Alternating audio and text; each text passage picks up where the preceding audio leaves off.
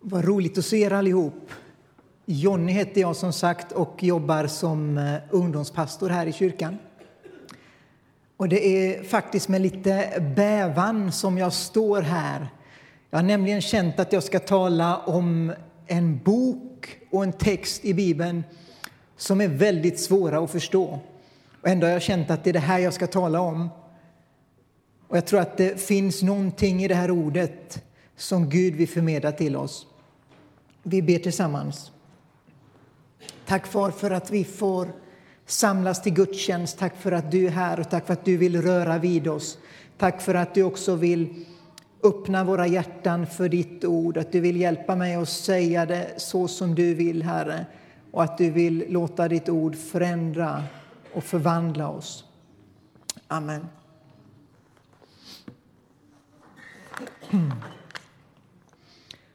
Omkring år 621 f.Kr. föddes det en pojke i Juda som fick namnet Hesekiel.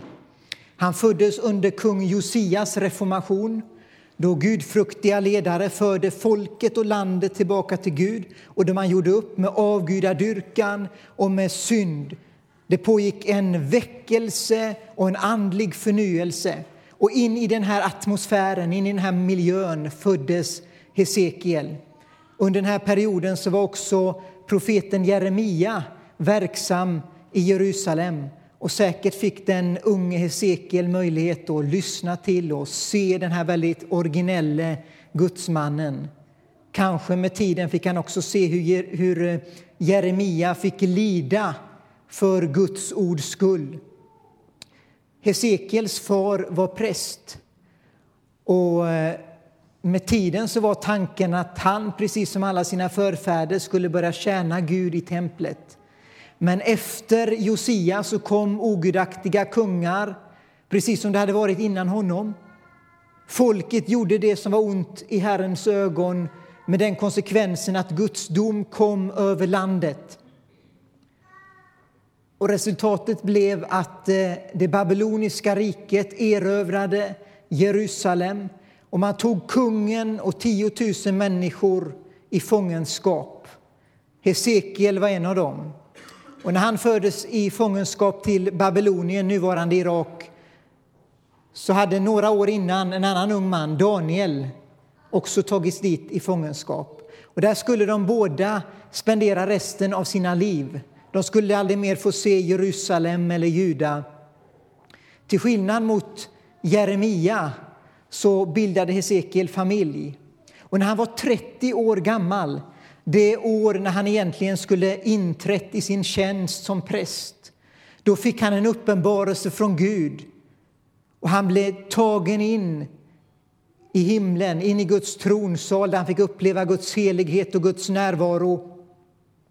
Och så fick han en kallelse att bli profet, att vara Guds språkrör till sina landsmän. Och han började profetera, han började predika om Guds dom över synden, om omvändelse. Och han förutspådde Jerusalems och templets förstörelse. Det här profeterade han i en tid när alla andra talade välgång och framgång och hopp. I många år så profeterade han ofta med väldigt symboliskt laddade handlingar. Och så till slut så hände det som han hade talat om. Jerusalem föll, templet blev förstört och allt hopp verkade ute. Flyktingar började strömma till. Och när det var som allra mörkast så fick han ett nytt budskap. Han började predika hopp. Han började predika om en ny framtid. Och det är här vi kommer in i vår text. Hesekiel fick en syn av ett nytt tempel. En ängel leder honom runt. Och så kommer vi till Hesekiel, det 47 kapitlet, Hesekiel 47 och vers 1.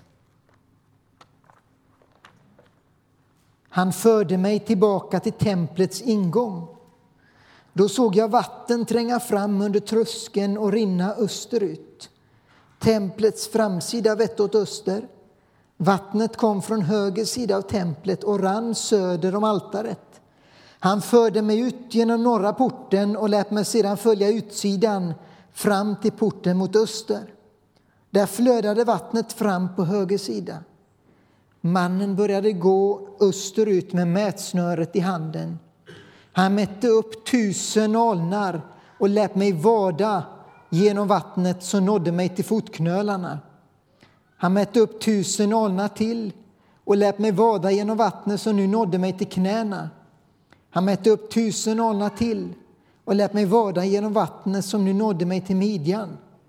Han mätte upp tusen alnar till. Nu var det en flod som jag inte kunde vada över. Vattnet var så djupt att man måste simma. Det var en flod man inte kunde vada över. Han sa till mig, ser du människa? Han förde mig tillbaka till strandkanten.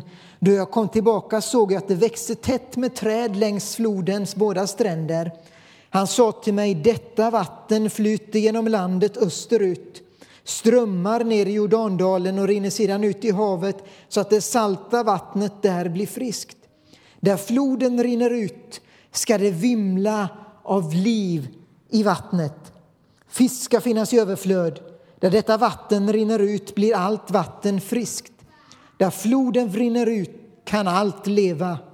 Fiskare ska stå längs stranden. Från Engedi till En Eglaim ska deras nät ligga på tork. Fisk av alla de slag ska finnas där i samma överflöd som i Medelhavet. Men gölar och dammar ska inte bli friska. De tjänar till utvinning av salt. Längs floden utmed båda stränderna ska alla slags fruktträd växa. Deras blad ska inte vissna och deras frukt ska aldrig ta slut. Varje månad bär de ny frukt, ty de får sitt vatten från helgedomen. Deras frukt ska ge föda och deras blad läkedom.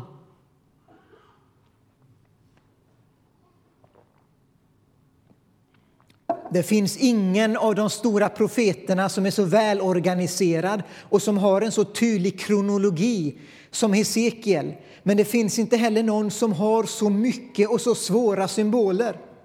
Och det har gjort att Hesekiels bok det är en stängd bok för många kristna och det är synd för jag tror att det finns någonting här som talar in i vår tid. Det finns ett problem med pingstvänner. Jag vet inte om ni har märkt det. Men det är att vi är så nyfikna. Det kan ju vara bra att vara nyfiken på många sätt. Då lär man sig. Men ibland så kan man vara så nyfiken att man missar den stora bilden på grund av alla detaljer. När jag växte upp så hade vi en eh, gammal pastor som brukade besöka församlingen där jag var med. Och det var alltid så spännande tyckte jag när han kom. Han eh, hade bara ett ben, eller ett riktigt ben. Det andra hade han förlorat i skogen när han var ung. Så han hade protes, så hade han långa polisonger och en väldigt speciell dialekt. Och det gav honom, tyckte jag, en lite mystisk aura. Får man säga aura i kyrkan? Det gav honom en mystisk profil. Så det var spännande. Men det bästa när han kom och var med, det var att han hade spännande berättelser, men viktigast av allt, han höll korta predikningar. Och det är det inte många predikanter som gör. Man ska vara rädda eh, om sådana predikanter. Men vid något tillfälle när han talade, och det var många år sedan nu, men jag minns det fortfarande, så berättade han om när han var ung.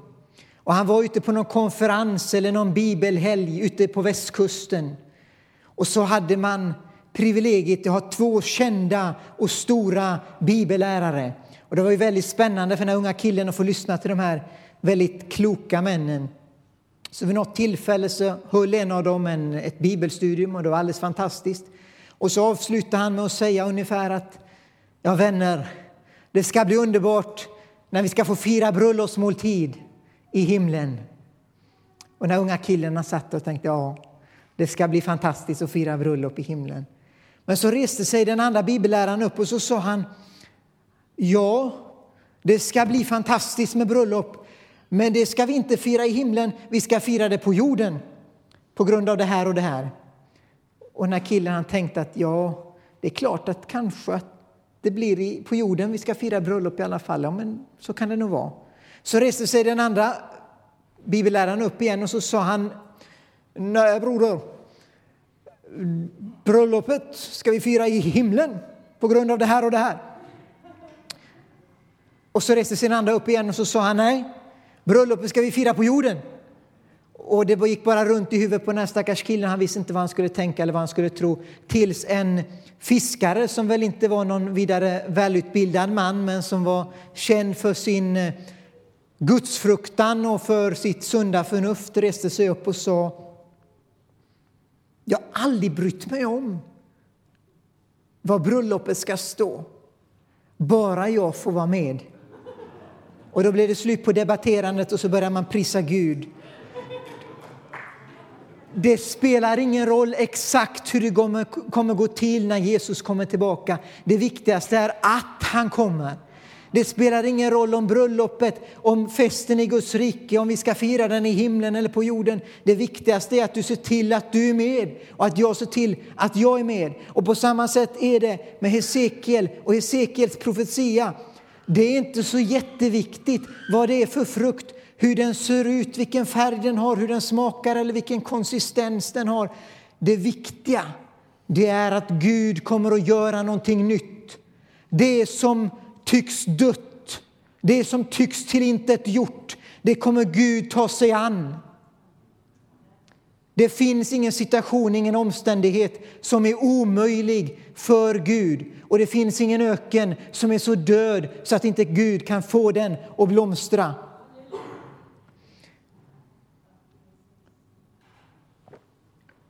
I Mellanöstern så är man välbekant med öknar och med torka. Och därför så symboliserar vattnet i Bibeln nästan allt det som är gott. Strömmar, källor, floder, det symboliserar liv, glädje, välsignelse, frälsning. Och mer än allt annat så är det förknippat med den helige Ande, livgivaren. Och därför när Hesekiel ser en flod som strömmar fram så är det en bild av Guds närvaro, av Guds verk, av hans förvandlande kraft och liv bland sitt folk. Det tycktes som om allt hopp var ute. Det tycktes som om Gud hade övergett sitt folk. Men Guds närvaro fanns där. Lägg märke till att det börjar som en liten ström som flödar ut från templet, platsen för Guds närvaro, från Guds tron. Och det flödar fram och det blir större. Det växer, det växer och växer tills den är så stor och så mäktig så att ingen kan gå igenom den och så att ingen kan stoppa den. Det Gud har påbörjat, det kommer han också att slutföra. Jag tror att ni finns här som är födda in i en tid av väckelse och andlig förnyelse. Ni har suttit vid profeternas fötter och ni har sett och ni har upplevt Guds hand. Och nu ser ni runt omkring er på nutiden och ni är frestade att bosätta er i det förflutna. Man ser sig omkring och det andliga klimatet känns så kallt och så svårt och hårt. Det finns så många kyrkor runt om i landet som kämpar och de som är pessimistiska. De säger att snart finns det ingen kristenhet kvar i Sverige. Men tror de inte, tror de inte, det Gud har påbörjat, det kommer han också att slutföra. Jesus säger att dödsrikets portar ska inte kunna stå emot min församling. Gud säger i Jesaja bok kapitel 43 och vers 18. Jesaja 43 och vers 18. Glöm det som förut var. Tänk inte på det förgångna. Nu gör jag något nytt.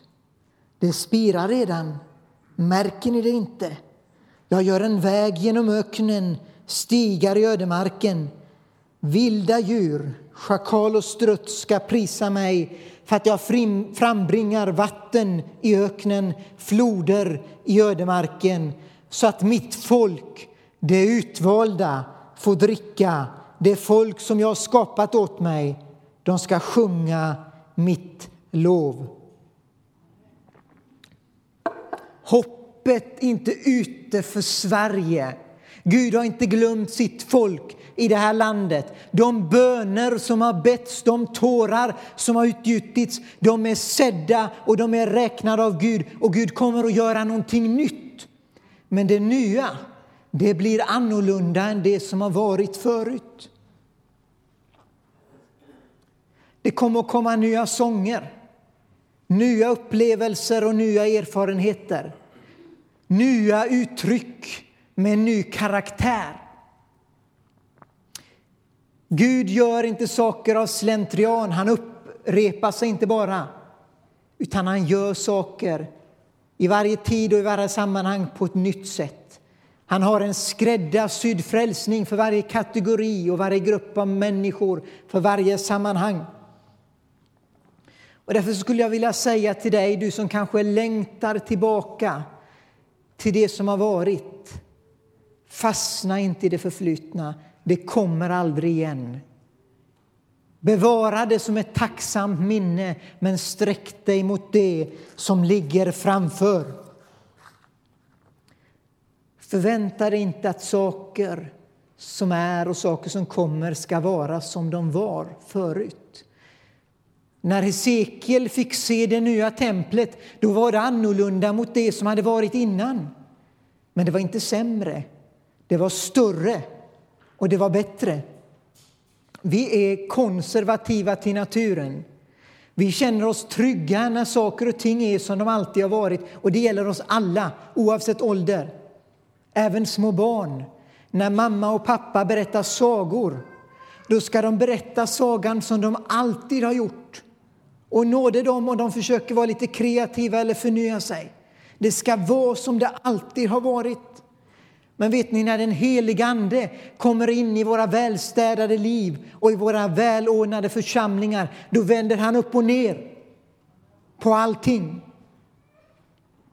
Vi säger att vi vill ha väckelse, att vi ber för väckelse, att många människor ska komma till tro och fogas till församlingen. Men om vi verkligen visste vad väckelse innebär då tror jag att vi skulle be Gud att bevara oss från väckelse.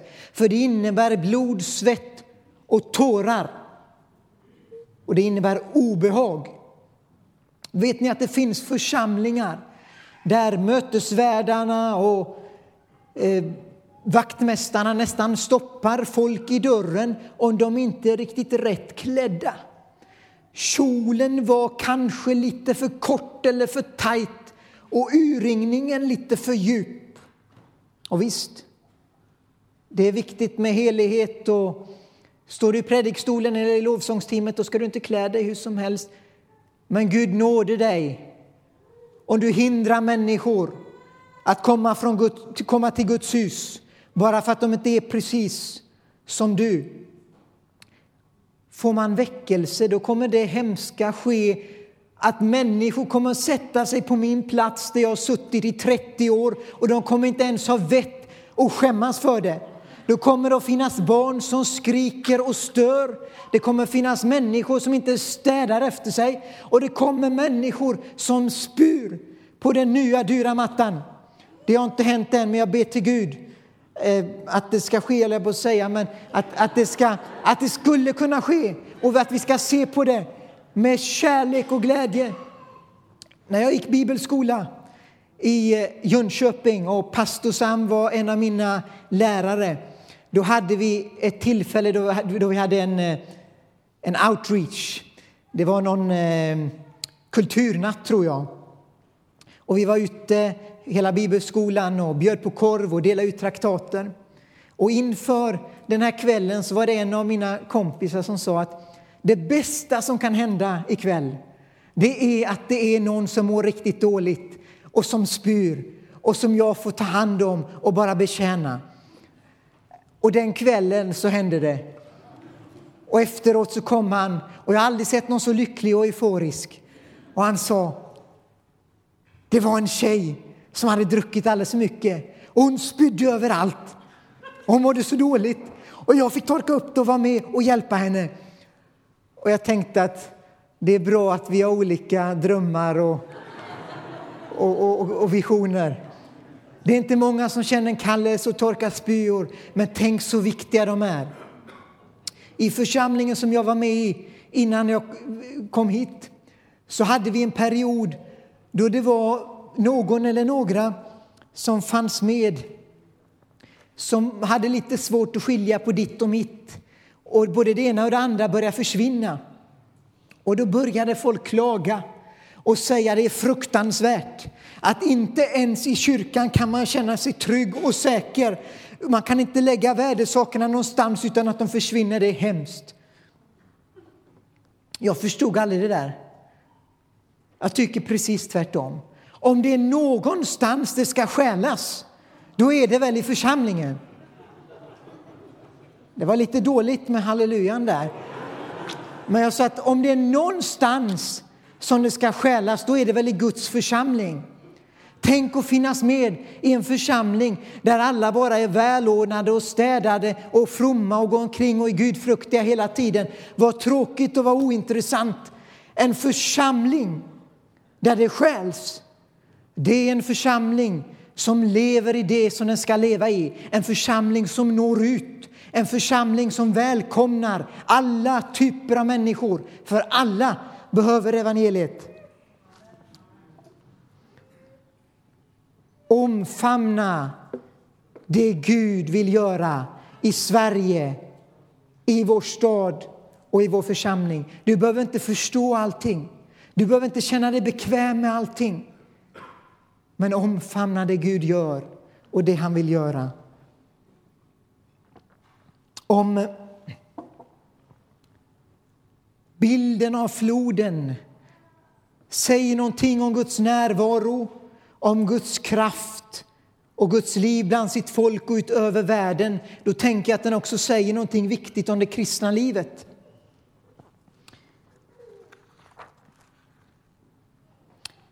Till att börja med så sträckte sig vattnet till fotknölarna. Ni vet som när man doppar fötterna och svalkar dem en varm sommardag.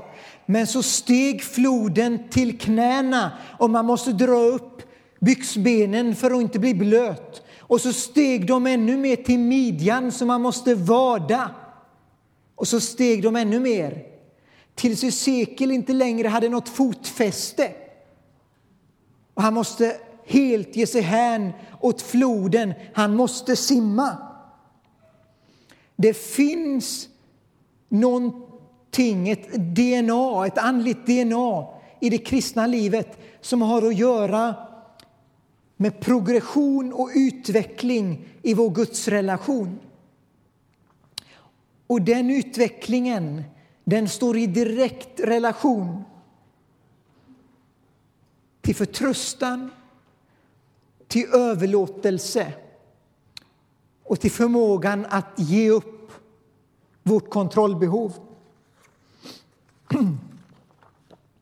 Det är lätt att nöja sig med en eh, fotknölskristendom.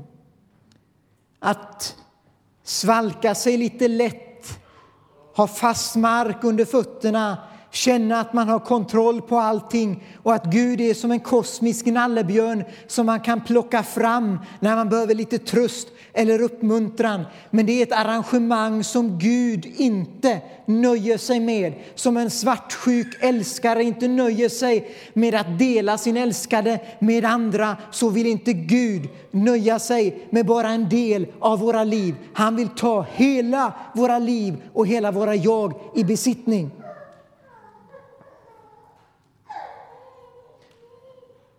Vi lever i en kultur och i en tid när vi är väldigt rädda att överlåta oss till någonting.